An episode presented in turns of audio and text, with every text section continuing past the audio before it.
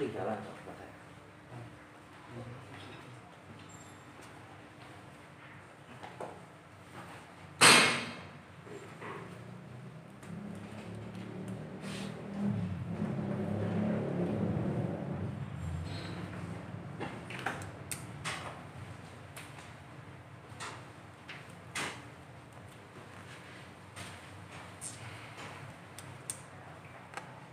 Assalamualaikum warahmatullahi wabarakatuh.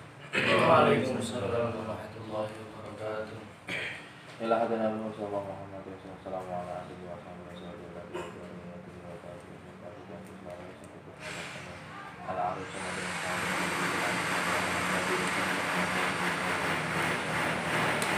wa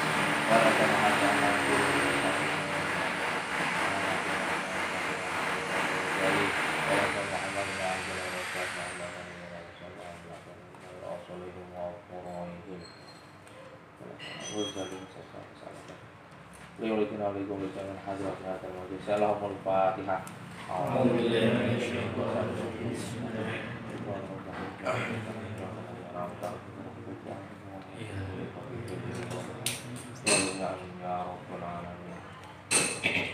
Bismillahirrahmanirrahim. Qala musannifur rahimahullah ta'ala wa nafa'ana bihi wa bi ulumi fid dharain. Ayyuhal waladuhu jong Ija'al dadekno sapa sira alhimata ing kepengenan kang luhur. Firuhi ing dalam jiwa. Ing dalam roh. Wal hazimata lan kekalahan fi ing dalam hawa nafsu. Wal mautalan kematian fil badani ing dalam badan awak. Li ana mangzilaka Kalau sune panggonan sira iku al-qabru kubur Wa ahlul makabiri Lang penduduke pira-pira kuburan iku yang taziruna padha ngenteni sapa ahlul makabir ka ing sira fi kulli lahdatin ing dalam saben-saben kesempatan ing dalam saben-saben wektu mata kapan tasilu tumeka sapa sira ilaihim. Maring ahlul makabir iyaka. Iyaka. Wadiyo, ngati-ngati sapa sira iyaka, ngati-ngati sapa sira antasila. Ing yen to tumeka sapa sira ilahi maring ahlul makabir bila zaden kelawan tanpa sangu. Wahai anakku, jadikanlah pat, patrikanlah, tanamkanlah keinginan yang luhur di dalam ruhmu. Wal hazimata fi nafsi dan kalahkanlah hawa nafsumu. Bukan dimatikan meskipun di beberapa kesempatan ada ungkapan dimatikan itu tapi maksudnya mengalahkan. Wal mauta badani dan kematian untuk badanmu. Li anamang karena sesungguhnya rumahmu itu itu al kubru adalah kuburan wahlul makabri yang tadhirunaka dan para penduduk atau para ahli kubur itu menanti dirimu setiap saat kapan engkau datang pada mereka. Setiap saat kalian datang kepada mereka. Iyaka maka hati-hatilah, khawatirlah. Antasila ilahim bila zatin. Engkau datang kepada ahli kubur tanpa bekal. Jadi apa namanya?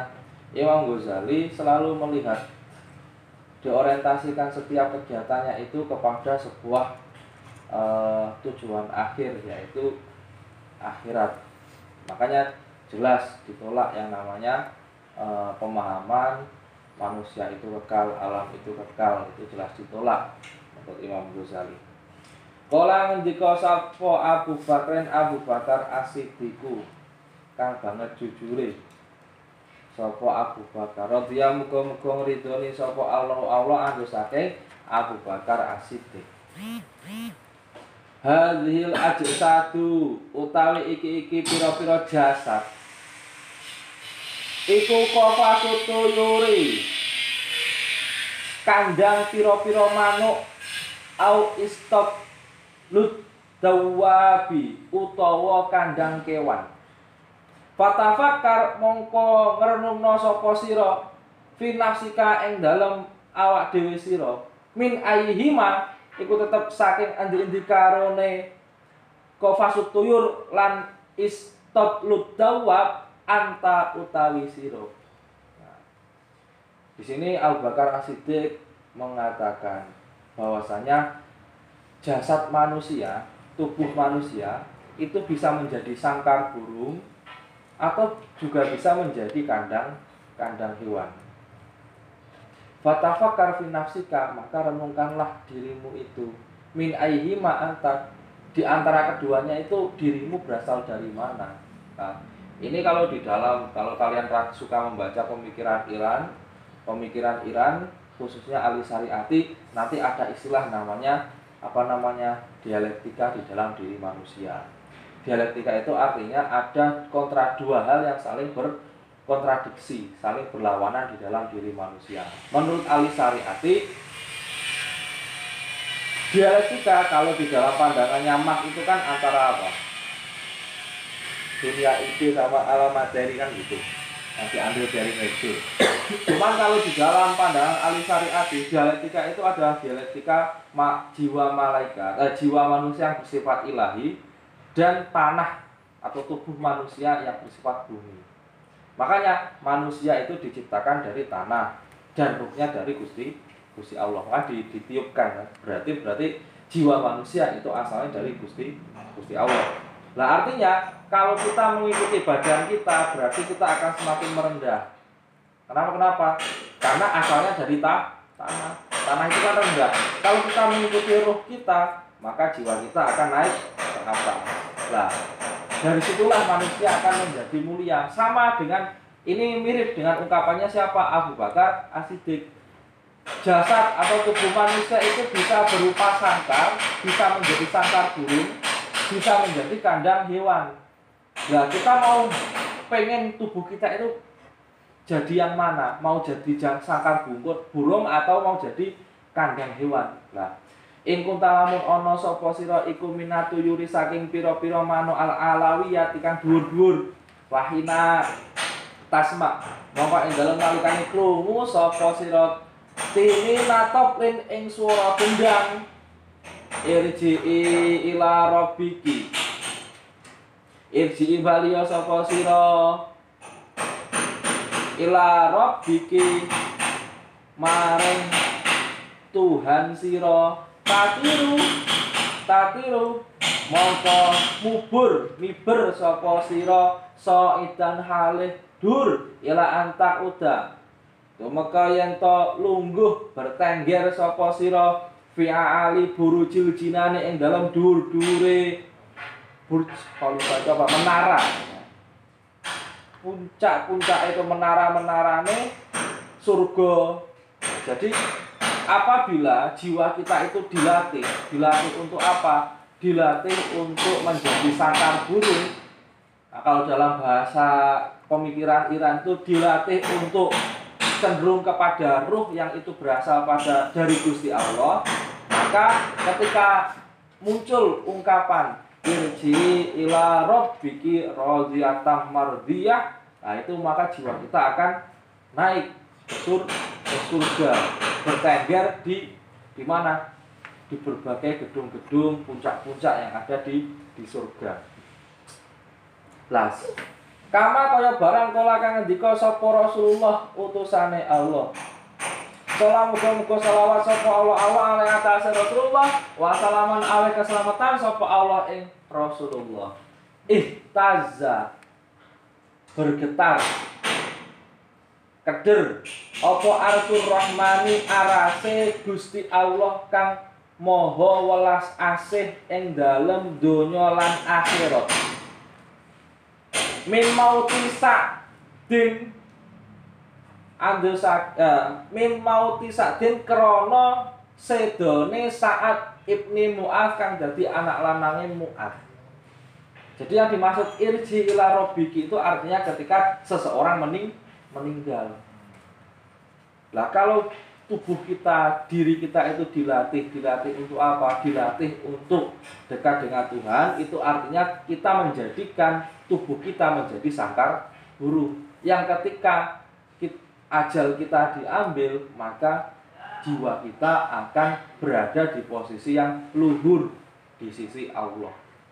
Nah, itu maksud dari irji ila robbiki Nah, itu dibuktikan dengan apa? Dibuktikan dengan ungkapan Rasul ketika seorang yang mulia, seseorang seseorang yang dekat dengan Allah itu meninggal, aras itu bergetar. Aras bergetar. Kalau dalam kasus ini itu yang pernah terjadi itu salah satunya uh, siapa namanya itu? Ya Allah. Yang Al-Mafhim Yajibu Antusohat kitabnya.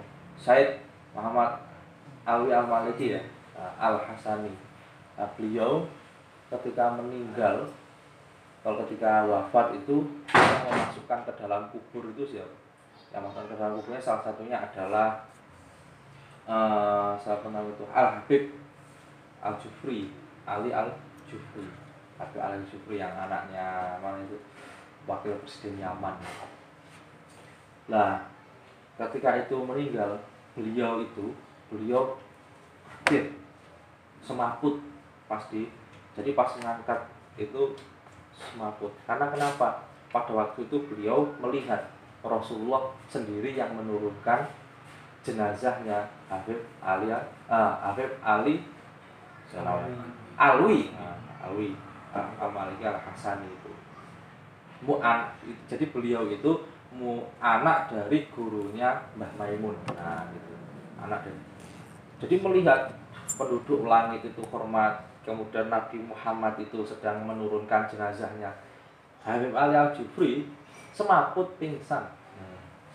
jadi yang dimaksud ihtaza Rahman min mauti Sa'd bin Mu'ad itu enggak bukan sekedar isapan jempol belakang jadi ketika seorang meninggal itu banyak yang uh, merasa kehilangan tidak hanya penduduk dunia tetapi penduduk langit. Nah, biasanya orang kalau istimewa itu kalau meninggal saya pas apa itu hujan-hujan misalnya. Saya kalian diceni. Ya, meskipun nggak selalu ya, tapi biasanya di karena kenapa ya pada waktu itulah uh, langit merahmati dan artinya Allah menurunkan roh rahmat bagi orang tersebut. Wal iyadu utali perlindungan billahi iku billahi kelawan Allah ing kunta lamun ana sapa sira iku minat dawabi saking pira-pira kewan nah. Kama kaya barang kala kang ngendika sapa Allah Allah taala ling sapa Allah. Ula ika utahe mungkono-mungkono wong kang nuruti badane to nuruti fisike iku kal ami kaya pira-pira raja kaya.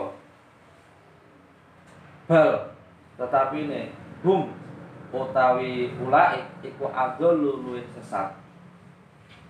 Luwih sesat saking raja kaya fala takman mongko ora dadi aman sapa sira inti kolaka ing oleh ma perpindahan sira min zawiyati dari saking pojokane omah maksudnya saking dunia ilah hawiyatin nari maring neraka. Nah, di sini bahkan sebenarnya ini juga tidak apple to apple membandingkan manusia dengan hewan. Karena kenapa? Hewan dia tidak berakal, menuruti nafsu tidak merugikan manusia. Hewan itu selalu mana ada hewan merugikan manusia. Kalau kita baca gerakan apa namanya itu kepedulian hewan, misalnya animalism itu, itu kan yang jahat itu manusia. Bayangkan saja hutan dipotongi akhirnya ular masuk ke rumah penduduk penduduk kalau dia menggigit orang yang disalahkan ularnya oh rumahnya dijajah kok jadi yang dijajah itu sebenarnya siapa kan manusia sebenarnya nah, jadi yang merusak itu sebenarnya manusia ada yang mengatakan begini cepat sembuh bumiku kamu sedang sakit padahal yang sakit itu manusia buminya tambah sehat Lah gimana? Pabrik-pabrik berhenti. Yang itu buminya tambah sehat. Yang sakit itu manu manusianya. Polusi berkurang. Kan lucu itu.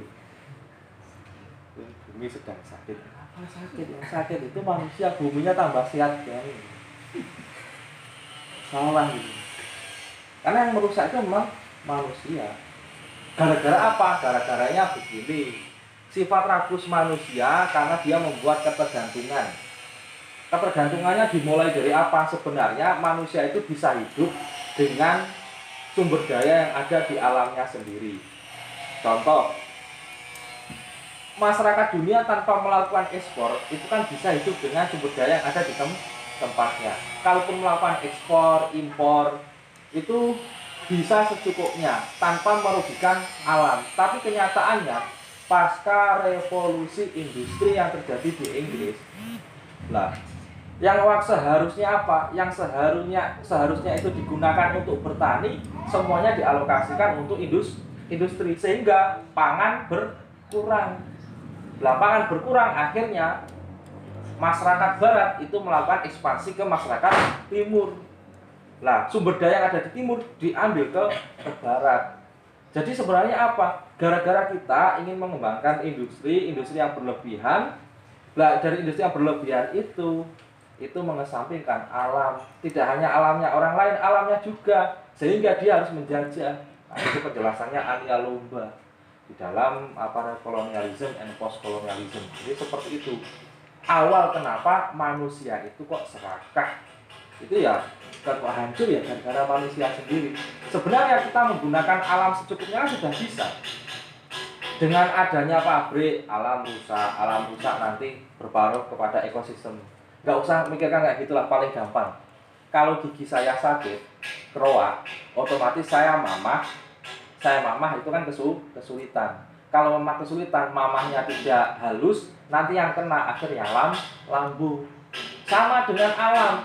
Alam itu kalau alamnya rusak nanti berpengaruh kepada ular, ular nanti berpengaruh kepada tikus, tikus berpengaruh kepada. Jadi saling paralel. Jadi yang merusak siapa? Ya manusia. Makanya sesatnya hewan itu tidak merugikan manusia. Tapi kalau sesatnya manusia, ya jelas merugikan semua makhluk. Seperti itu. Makanya perbandingan manusia dengan hewan itu sebenarnya tidak apple to apple, tidak apple to apple itu bukan berarti Gusti Allah atau Nabi Muhammad atau Imam Ghazali salah mengkiaskan tidak. Dia hanya menunjukkan manusia itu kalau sudah sesat dibandingkan sama hewan aja nggak bisa. Orang perbandingan ini kan. Kan bingung ya.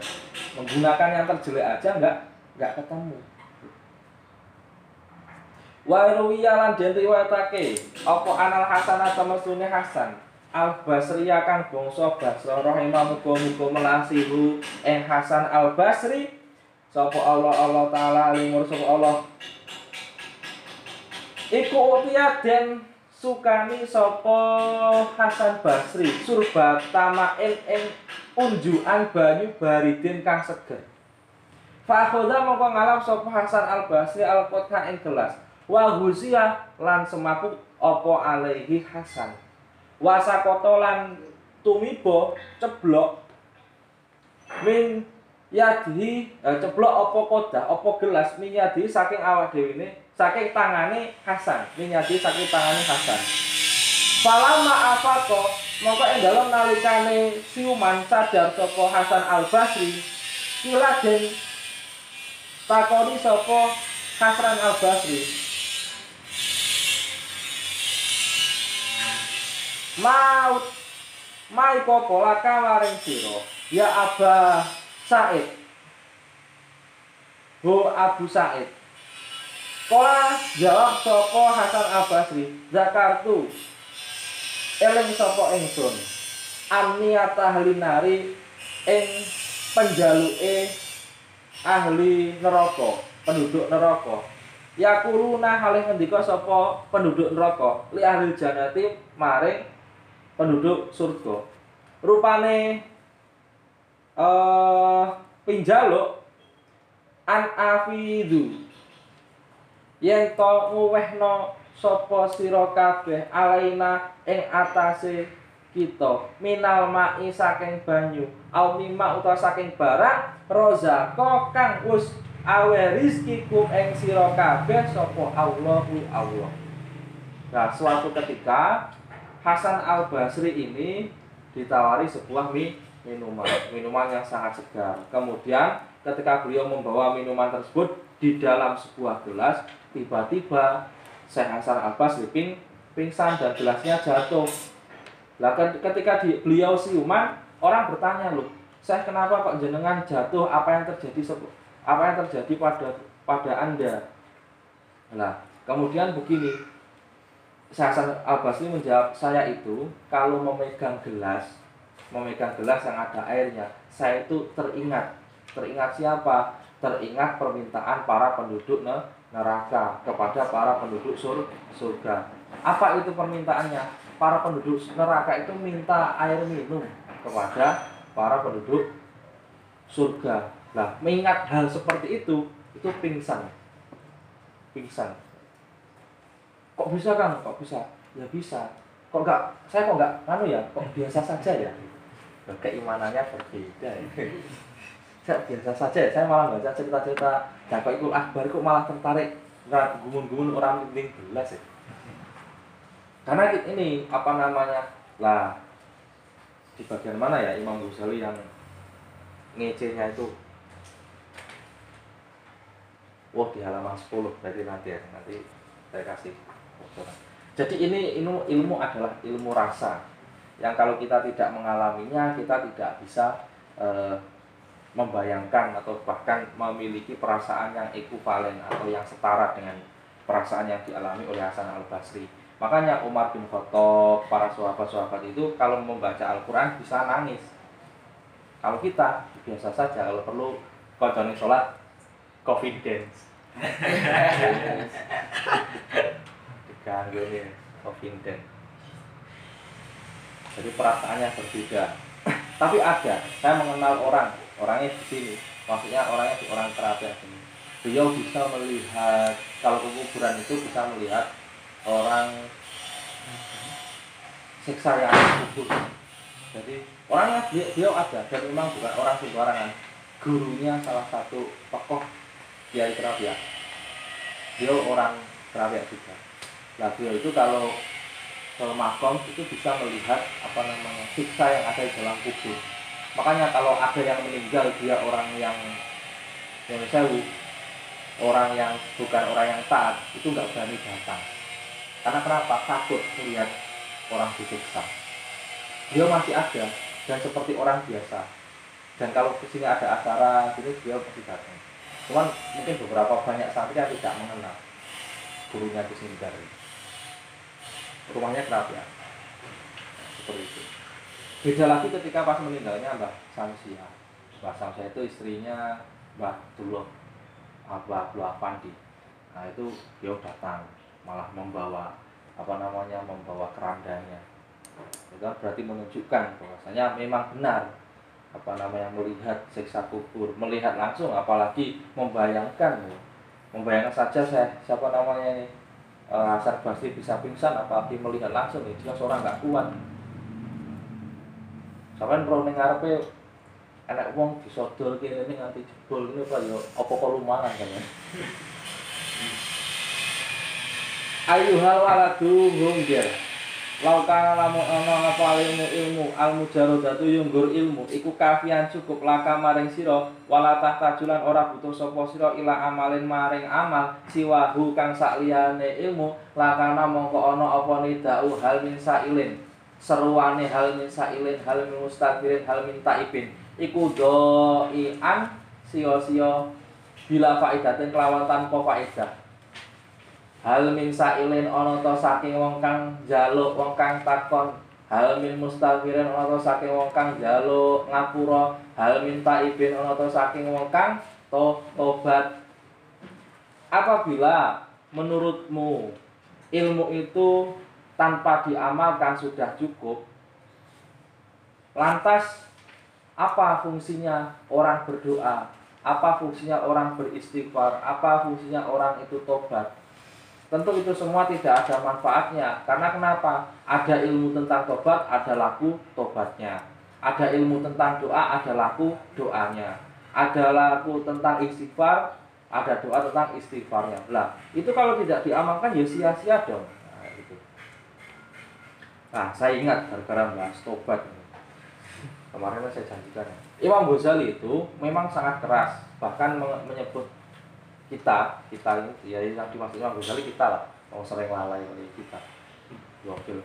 Di dalam Minhajul Abidin itu dijelaskan bahwasanya apabila kita itu melakukan maksiat, kemudian kita ulang tobat, diulangi lagi, masih maksiat lagi, diulangi lagi, masih tobat lagi, tapi masih diulangi lagi, jadi tobat maksiat, tobat maksiat, tobat maksiat terus. Kalau orang dalam kondisi seperti itu bagaimana? Selama tobatnya itu beneran, tidak apa-apa, meskipun nanti dia kalah dengan nafsunya. Gak apa-apa, karena itu masih bagus dibanding tidak tobat sama sekali. Imam Ghazali menyebutnya seperti itu, sangat rasional. Cuman berdoalah kamu eh, kamu berdoalah dengan doa tambahan. Doa tambahan itu apa? Ya Allah, semoga kematian saya itu lebih cepat dibanding maksiat saya. Itu sementok. Kasarannya ngomong, nak sampean atau kita, kita ya, termasuk saya. Kok tobat maksiat, tobat maksiat, tobat maksiat. Doa saja, semoga sak durunge maksiat meneh wis ma mati. Artinya nak apa maksiat terus muga-muga ndang. Nah, Duh, tapi itu menunjukkan sifat optimis Imam Ghazali bahwasanya kalau kita melakukan sebuah pertobatan kemudian masih maksiat wis njaluk ngapura kok gawe salah neh nang ngomong ya biasa saja biasa saja dalam artian jangan putus asa kalau putus asa itu malah salah orang yang rugi itu ada orang orang yang putus asa dari rahmatnya Gusti Gusti Allah. Tentu orang eh, kawan-kawan yang sudah mengkaji al-hikam itu pahamlah bagaimana pentingnya rahmat Gusti Allah itu dibanding hal-hal lainnya. Karena mau sebesar apa pun sifat marah Gusti Allah, sebesar apa pun dosa kita, pertanyaannya ya, pertanyaannya ya, dosa kita, kalau kita menjadi orang yang paling pendosa dari awal penciptaan makhluk Gusti Allah itu dibanding rahmatnya masih gede mana dibanding rahmatnya Gusti Allah. Misalnya gini ya, kita jadi makhluk yang paling buruk di antara iblis. Pokoknya semuanya lah. Baik dari awal zaman dan sampai akhir zaman. Itu dosa kita paling banyak. Pertanyaannya, itu sama rahmatnya Gusti Allah masih gedean mana? Kalau masih gedean dosa kita, berarti kita dosa. Karena kenapa? Kita menganggap ada sesuatu yang lebih besar dibanding rahmatnya Gusti Allah. Dan itu nyalai. Itu nyalai kita mengatakan berarti ada sesuatu yang lebih besar dibanding rahmatnya Gusti Allah berarti kita menyalahi hukum atau sifatnya Gusti Gusti Allah berarti kita harus tetap mengatakan sebesar besar dosa kita meskipun kita adalah makhluk terburuk yang pernah ada dan pernah diciptakan oleh eh, Allah itu masih besar rahmatnya Gusti Allah. Makanya tidak boleh putus asa. Yang artinya Imam Ghazali melihat hal tersebut. Ya wis lah sampean atau kita ini sudah maksiat tobat maksiat tobat itu ter- terus berulang sampai 100 kali bahkan ribuan kali. Nggak apa-apa. Yang penting satu yang paling terpenting. Jangan sampai hilang rasa apa rasa optimis kepada rahmat Gusti Gusti Allah. Loh kan kita jadi optimis ya baca tasawuf ini sedikit-sedikit salah ya wis lah nggak apa-apa dijalani wae Nah, Imam Ghazali menjelaskan seperti itu. Jadi apabila orang sudah tobat, maksiat tobat, maksiat tobat, maksiat, ya udahlah nggak apa-apa. Yang penting doanya ditambahi doa apa? Semoga kematiannya lebih cepat dibanding maksiat. Yang artinya semoga kita dalam meskipun dalam kondisi seperti itu mati dalam kondisi husnul khotimah. Disiksa ya itu wajar lah. Kalau nggak disiksa ya bukan umat nabi ya. Umat itu disiksa sih. Mana tuh? Uh, Waruya. Kita lihat jam dulu. Oh masih saja masih lama. Ini nanti tak apa? Saya nggak pakai kacamata nggak kelihatan. Waruya lan den riwayatake apa ana jamaatan temusune jamaah minas sahabati saking pira saking pira-pira sahabat. ridwanullahi utawi ridhone Gusti Allah alaihim alaihim iku tetep ngatasé sahabat ajmain alih sekabehane ana jamaatan iku zakaru padha. Nuturake sapa sahabat? Abdullah ing Abdullah. Ibna Umar kang dadi lanange Ib Umar. Rodia muga-muga ngridoni sapa Allah Allah anu mandosake Abdullah lan Umar. Ainda Rasulillah ing dalem mungguhe Rasulullah Salam muga-muga selawat sapa Allah Allah alaihi atase Rasulullah sallallahu awe keselamatan sapa Allah ing Rasulullah. Fakola moko ngendika sapa Rasulullah? Nikma rajuli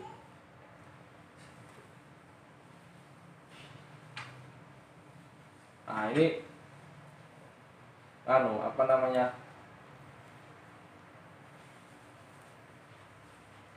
DBL nikmar rojulu bukan nikmar rojuli bisa sama nikma bisa itu kan apa namanya fiil kalau kelas 2 kita sudah belajar tentang kalau yang kelas 2 kita sudah belajar jurusun nahliyah kita ada bab bisa sama nih nikma itu kan fiil lah itu loh Seapi-api walanang gua yo Abdullah bin Umar. Laukana lamun ana sapa Abdullah bin Umar iku yusoli salat sapa Abdullah bin Umar bilaili ing dalem wengi. Wa qala sapa Rasulullah alaihi ku tetep atase Rasulullah as-shalatu tawi sholawat wa salam lan keselamatan. Ngendika li rajulin maring wong lanang min ashabi saking pira sahabate Rasulullah ya fulanu ho fulan latuk siri latuk sir aja ngakeh-ngakehi sapa sira anoma ing turu bilaile ing dalem wektu wengi. Fa inna kasatan naumi krana temestune akeh-akeh turu bilaile ing dalem wektu bengi iku ya da'u ninggal apa? Ninggal itu maksudnya memberi efek. Ya da'u nyebabake apa kasratun naum soibau ing wong kang turu ing dalem wektu wengi nyebabake fakiran ing kefikiran yaumul kiamat ing dalem dina kiamat. Jadi para sahabat itu berkumpul kemudian mengadu kepada berbicara berbincang dengan Rasulullah. Nah, kemudian menyinggung siapa? Menyinggung itu berarti berkaitan, pembicaranya itu berkaitan dengan Abdullah bin, bin Umar. Nah, kemudian Rasulullah berkat, e, bersabda, "Nikmar rajulu wa laut. Karena yusalli bilai sebaik-baiknya laki-laki itu adalah Abdullah bin Umar.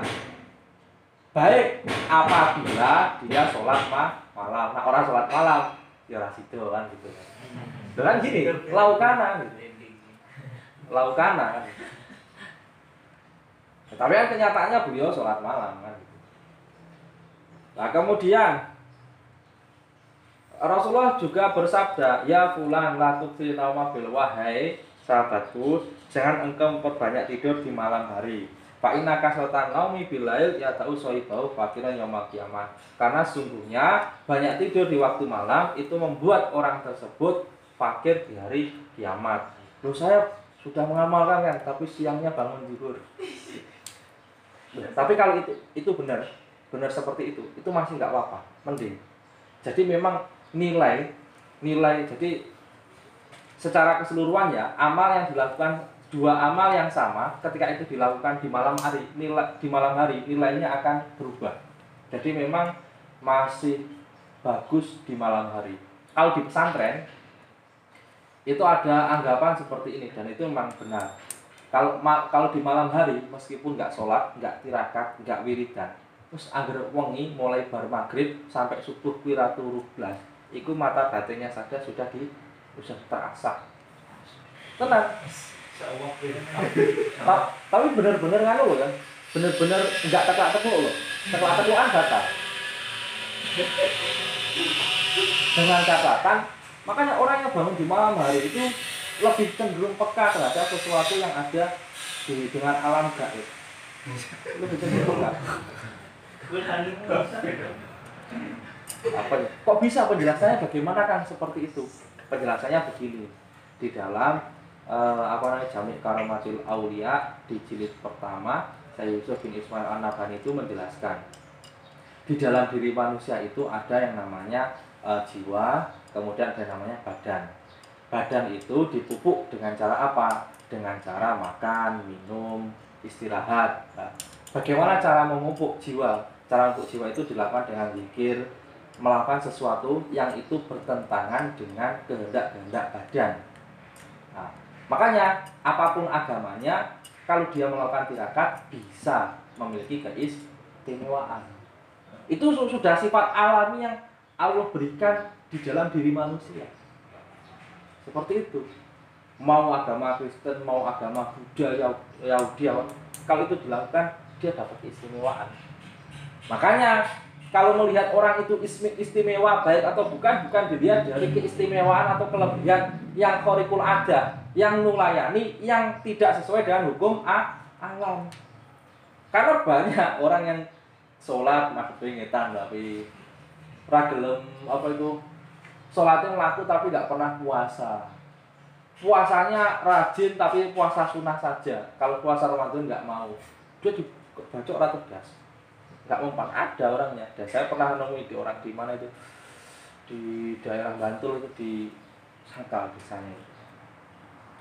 jadi sholat kalau sholat wajib wajib nggak dilakukan tapi sholatnya dilakukan di sholat sunnah. Nah, jadi kalau butuh bantuan dia sedang butuh ada hajat itu cari wangsitnya sholat. Itu jelas bukan Gusti Allah, bukan yang main bukan Gusti Allah secara langsung itu udah lewat tangan bisa jin, setan gitu. Jadi cara melihat seseorang itu apakah dia baik atau tidak itu tetap standarnya syariatnya, perilakunya, bukan keistimewaannya. Makanya secara syariat meniru orang yang jazab itu tidak boleh. Ada wali yang jazab itu ditiru tidak boleh. Nah, gitu loh meskipun kita tidak boleh mengolok-olok beli beliau tapi nggak boleh ditiru. Mungkin secara syariat nggak boleh ditiru.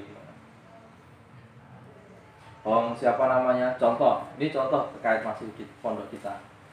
Salah satu versi apa namanya salah satu versi nasab Mbah Munawir itu kan banyak versi. Ada yang versi lewat Mbah Nurul Iman ada yang versi lewat apa namanya Mbah Hasan Sari ada versi yang lewat Mbah jadi ada yang mengatakan apa namanya itu eh Munawir itu masih keturunan keturunan dari Rasulullah.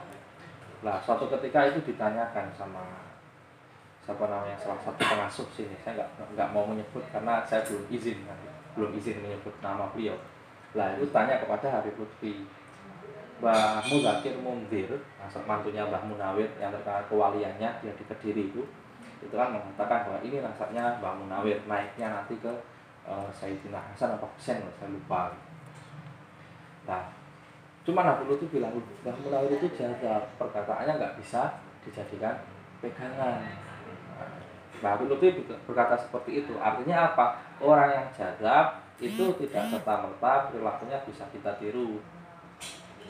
Jadi cara menilai orang apakah dia itu bisa kita jadikan pegangan atau tidak ya laku syariatnya sama laku tasawufnya. Ya, tasawuf itu harus sesuai dengan syari syariat dalam rangka mengamalkan. Jadi jangan waton, wah, wong iki dibaca ora tegas. Wong iki mendino sholat, tapi maksiat yang lain jalan. Nah, ini perlu dipertanyakan. Kalau ilmu itu benar, kalau dia zina, mencuri, pokoknya mau limo lah, itu dilakukan, pasti ilmunya hilang. Kalau nggak hilang berarti itu bukan bukan ilmu yang benar. Kalau ilmu yang benar bahkan jimat pun hilang. Gitu. Kalau yang bawa jimat yang benar, kalau itu digunakan sesuatu yang tidak benar, ya nanti hilang. Kayak rompi atau apa. Jadi cara melihat orang ini bisa dijadikan pegangan panutan apa? Syari syariatnya sama tasawufnya. Tapi yang paling penting di sini syariat karena yang nampak oleh mas mata. Tasawuf itu kan nggak tahu. Nah, kembali lagi ke dalam fadilah malam. Jadi malam itu ini terlepas dari tinjauan agama ya. Terlepas dari tinjauan agama malam itu istimewa. Malam itu is, istimewa. Mau kalian gunakan wirid atau tidak pokoknya kalian niati untuk tirakat itu sudah jadi sudah ada keistimewaannya. Cuman kan pertanyaannya kalau dalam konteks ini kan, bagaimana membuat malam itu bermanfaat bagi kita orang sekitar kita keluarga kita dunia kita serta ujung-ujungnya adalah akhir akhirat. Yang artinya di malam itu digunakan untuk ibadah. Ibadah itu untuk apa? Ya, sholat. Kalau sholat nggak bisa nggak senang saya sholat. Yuk sholat nggak senang sholat sunnah. Masalah nggak? Yuk nggak apa-apa. Ya masalah nggak hobi gitu loh. Nggak senang itu nggak hobi. Saya hobinya membaca. Ya udah kalian baca saja. Kalau hobinya zikir ya udah zikir saja. Ya hobinya jaga kayak kang wakit jaga saja kang wakit nggak apa-apa itu sudah lu itu ibadah cetok karena kenapa? Menjaga keamanan itu artinya menjaga stabilitas. Kalau pondok nggak stabil artinya kegiatan itu tidak bisa jalan. Loh, enak tuh enak. Karena kenapa? Orang terawih di situ jaga dia udah dapat pahala orang terawih apalagi belum lagi ditambah nanti terawihnya dia sendiri gitu. Kan sudah banyak itu untung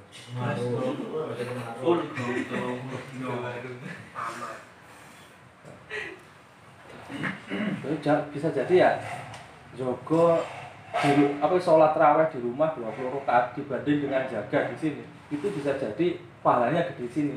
Lo bayangkan ya mbak Najib ya yang imami setiap hari berapa jus itu kan gitu. Numpangnya kebangetan gitu. Nah yang pahalanya sekakean gitu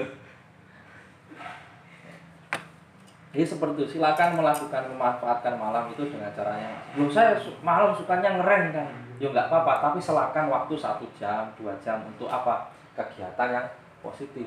Nah, itu. Terutama malam, karena malam itu penting. Makanya Imam Ghazali itu membagi malam itu sampai tujuh. Bangun eh, di malam hari tidak tidur sama sekali dan siangnya tidak bayar utang. Kemudian tingkat yang kedua bangun jam 12 malam sampai subuh tidak tidur yang ketiga, bangun pada apa namanya jam tiga pa, pagi sampai subuh tidak tidur. Kemudian bangun mepet-mepet sahur. Sampai yang terakhir wis bangun tok sholat baru turun meneh ya apa Kalau tidak bisa melakukan itu semua, bar sholat isya, sholat sunnah atau sholat tasbih terserah sholat hajat itu sudah menjadi sholat ma malam meskipun bukan sholat ta tahajud. Jadi beda ya, sholat malam sama sholat tahajud itu sedikit berbeda. Sholat malam itu sholat yang dilakukan setelah sholat isya. Kemudian kalau sholat tahajud, sholat yang dilakukan setelah tidur malam. Sholat sunnah mutlak nggak diniati tahajud, ya itu bisa jadi tahajud. Kemudian sholat tobat bisa jadi tahajud. Jadi seperti itu.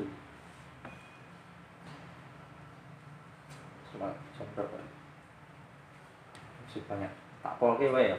Bismillahirrahmanirrahim. Tak polke nanti kalau misalnya gini 15 Ramadan pokoknya kalau ini khatam sebelum tanggal 20 gimana? Ya apa Gak apa oh gitu gas. Oh, kalau komplekan itu kalau komplekan tak kasih tahu. Sama nggak bakal libur. Nanti kalau lebaran ngaji. Ngaji apa kan biografi ini siapa namanya itu? Basim Asari jadi 50 lapang halaman itu rencana 6 hari selesai lah. Ngaji siang malam nah, kenapa ya di sini? Soalnya nggak gini banget ya teman-teman. Sama kayak saya kalau nggak diisi ngaji sidik-sidiknya ya gimana ya? Ayo lalu ala dulu wa minalai lipat aja bina filatan lak utawi pengendikan wa minal wa minal laili fatahajat bina filatallah iku amrun perintah. Wa fil ashari hum yastaghfirun utawi pengendikan wa fil ashari hum yastaghfirun iku syukrun rasa syukur. Wal mustaghfirina bil ashari lan utawi lafat musta wal mustaghfirina bil ashar iku zikrun zikir Wa minalaili lan saking wengi. Sekarang dimaknai satu-satu. Wa minalaili lan saking wengi fatahajat mongko tahajud sapa sira bi ing dalem wengi nafilatan halih dadi ibadah nafilah laka maring sira wabil asari lan dalam waktu sahur hum utawi pira-pira wong kang mukmin kang taat iku yastaghfiruna padha njaluk istighfar njaluk ngapura sapa uh, hum wal mustaghfirina lan pira-pira wong kang istighfar bil ashari ing dalem waktu sahur. Maksudnya apa? Maksudnya begini. Di dalam ungkapan wa minal laili fatahajjat itu ada perintah untuk melakukan tahajud. Wabil asarihum yastaghfirun. Nah, istighfar pada waktu sahur itu selain uh, untuk memintakan ampun minta ampunan kepada Gusti Allah itu adalah wujud syukur. Loh kenapa kok syukur? Nah, begini, Apakah kita itu menjalankan perintah Gusti Allah karena Allah itu berbuat baik pada kita? Apakah kita itu istighfar kepada Allah ketika hanya kita berbuat dosa? Tentu tidak. Karena kenapa? Karena syukur itu tidak harus menunggu kita mendapatkan sesuatu yang menurut kita itu hadiah. Bayangkan saja, kalau nafas kita itu diambil satu hari saja, dibuat tidak lancar, harus menggunakan apa itu? Oksigen itu itu habis berapa ribu, ratus ribu atau bahkan sejuta, jutaan. Ya toh? Padahal cuma nafas. Jadi kita masih nggak kita nggak punya duit bokek kek itu. Bokek paketan teh HP ini jadul lagi ya gitu. Itu masih harus bersyukur karena kita masih diberi kesehatan. Bayangkan saja kalau kita kasih sehat tetapi nafasnya aja dibuat terganggu dalam waktu satu bulan udah berapa juta kita habis itu nggak bisa nafas bisa nafasnya nggak bisa bisa lancar darah kita ada yang kelainan sedikit saja itu nanti bagaimana jadi yang ternyata kita itu setiap hari sama Gusti Allah itu disubsidi sekian miliar Loh iya kita disubsidi sekian miliar karena kenapa? Kalau fungsi mata hilang kita bayar berapa? Kalau jantung kita bermasalah kita bayar berapa? kalau paru-paru kita rusak kita bayar berapa kalau ginjal kita rusak kita bayar berapa jadi modal kita duduk ini nggak ngapa-ngapain itu subsidi dari Gusti Allah sudah mil makanya itu istighfar gara-gara dosa. Wah ketinggalan zaman. Syukur itu syukur. Ya, kan gitu. Banyak saja kelihatan kayak seperti ini. Contoh saya merasakan mulai merasakan. Dulu ketika gigi saya masih apa namanya belum lubang-lubang itu makan nikmat. Ketika lubang saya ngunyah nggak bisa halus nggak bisa halus akhirnya dampaknya ke perut. Emahnya gampang kambuh atau itu contoh kecil apalagi benar fungsinya benar-benar diganggu permanen. Misalnya orang sakit ginjal itu kan diganggu secara permanen rusaknya itu permanen. Dia menghabiskan. Ada yang setiap hari cuci darah ada yang seminggu sekali tergantung apa tingkat kerusakannya. Kan berarti sudah dimodali sama Gusti Allah. Penglihatan itu berapa. Kalau nggak percaya kalau kalian nggak percaya nggak mungkin ada penculikan kemudian ada yang namanya human trafficking yang nanti salah satunya itu organnya diju, dijual. Kalian kalian lihat itu kan terbukti toh banyak toh kasus penjualan organ itu ada yang dijual apa namanya itu jam, uh, ginjalnya. Jadi seperti itu.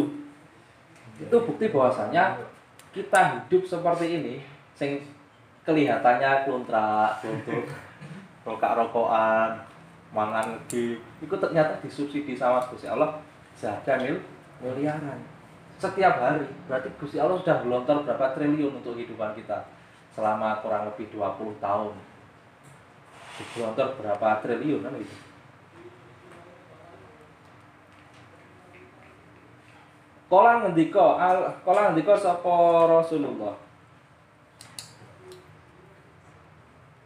Oke, oke.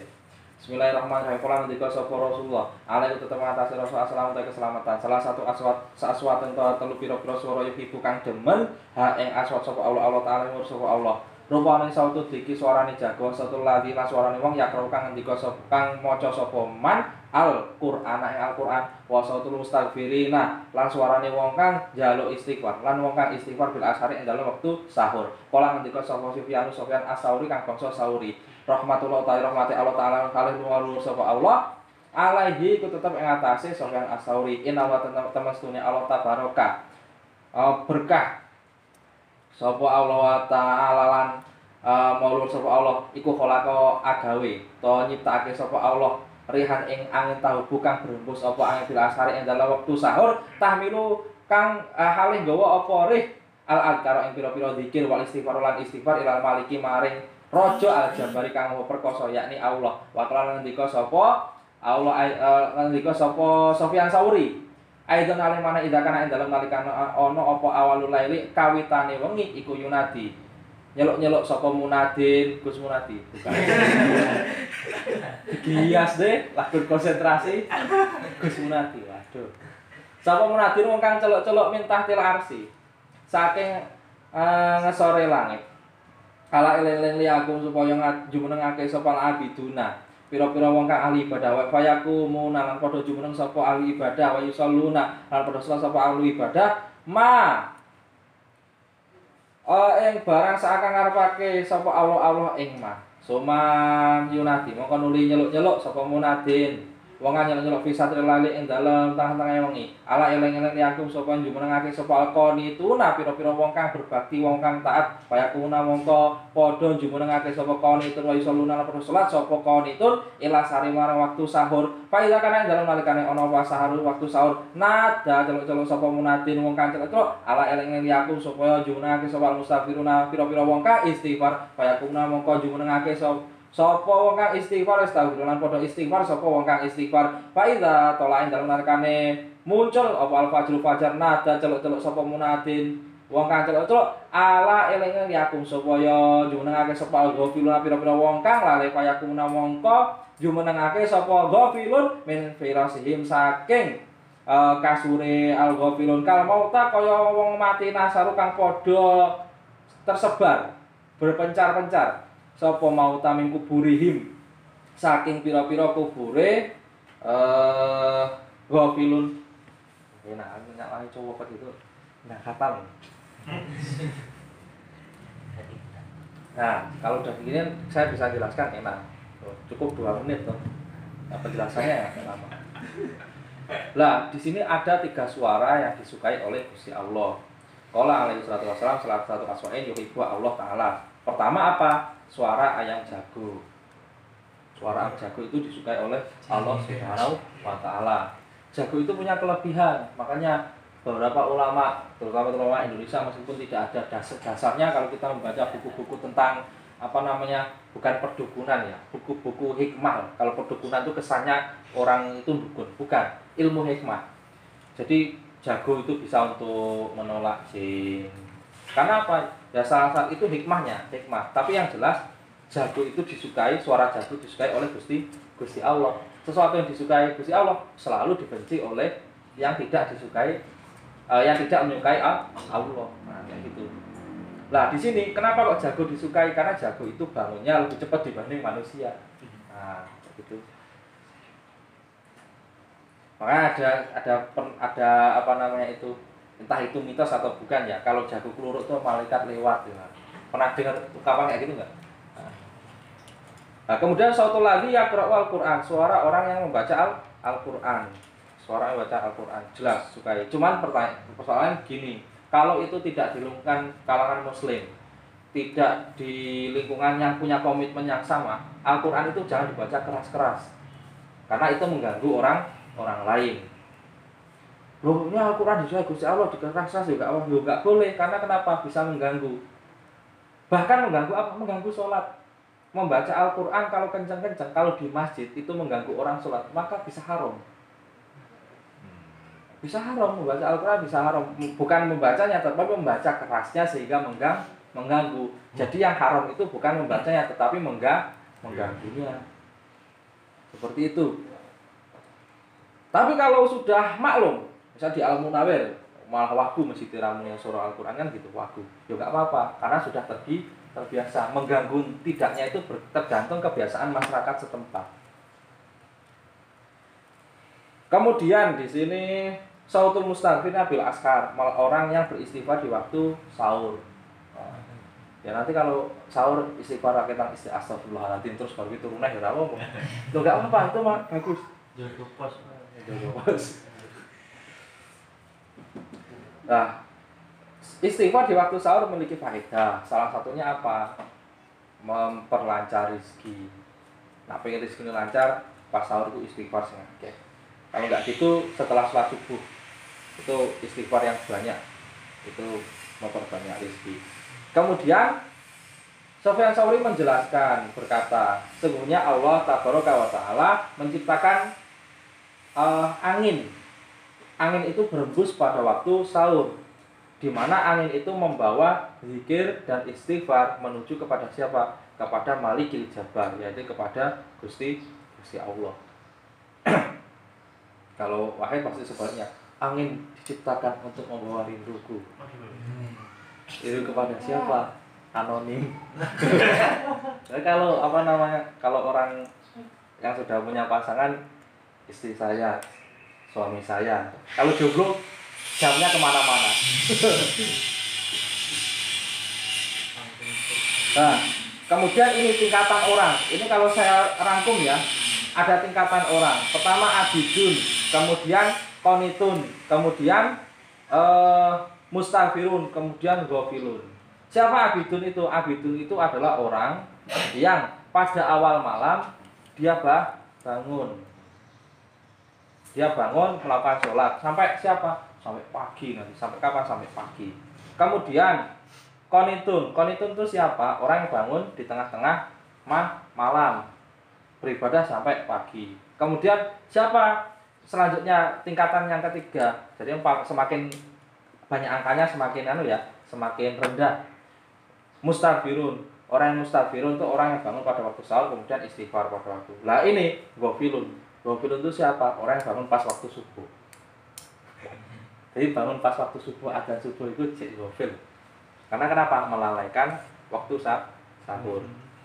Hafa idza tol al fajru nada munadin ala liyakum liyakumil ghafilun.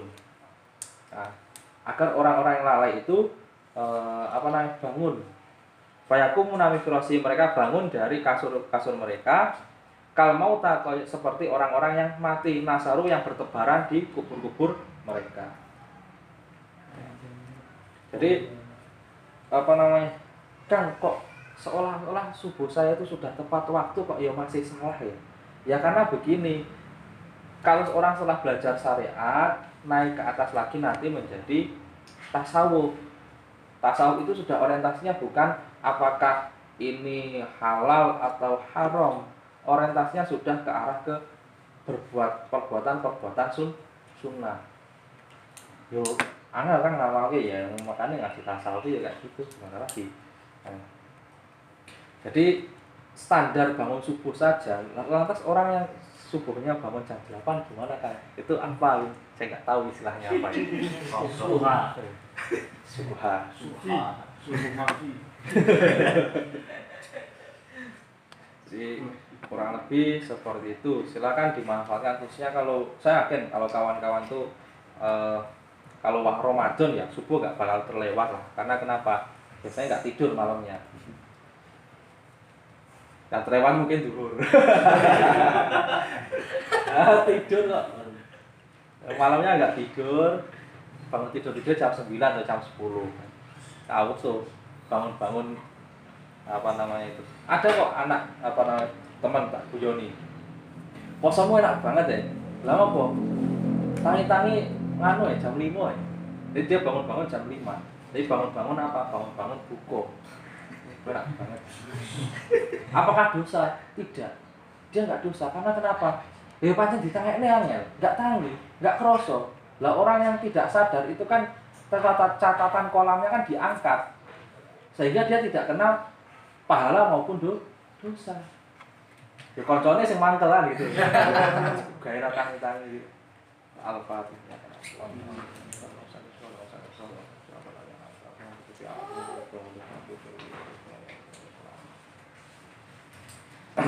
kurang lebihnya maaf assalamualaikum warahmatullahi wabarakatuh. Waalaikumsalam warahmatullahi wabarakatuh.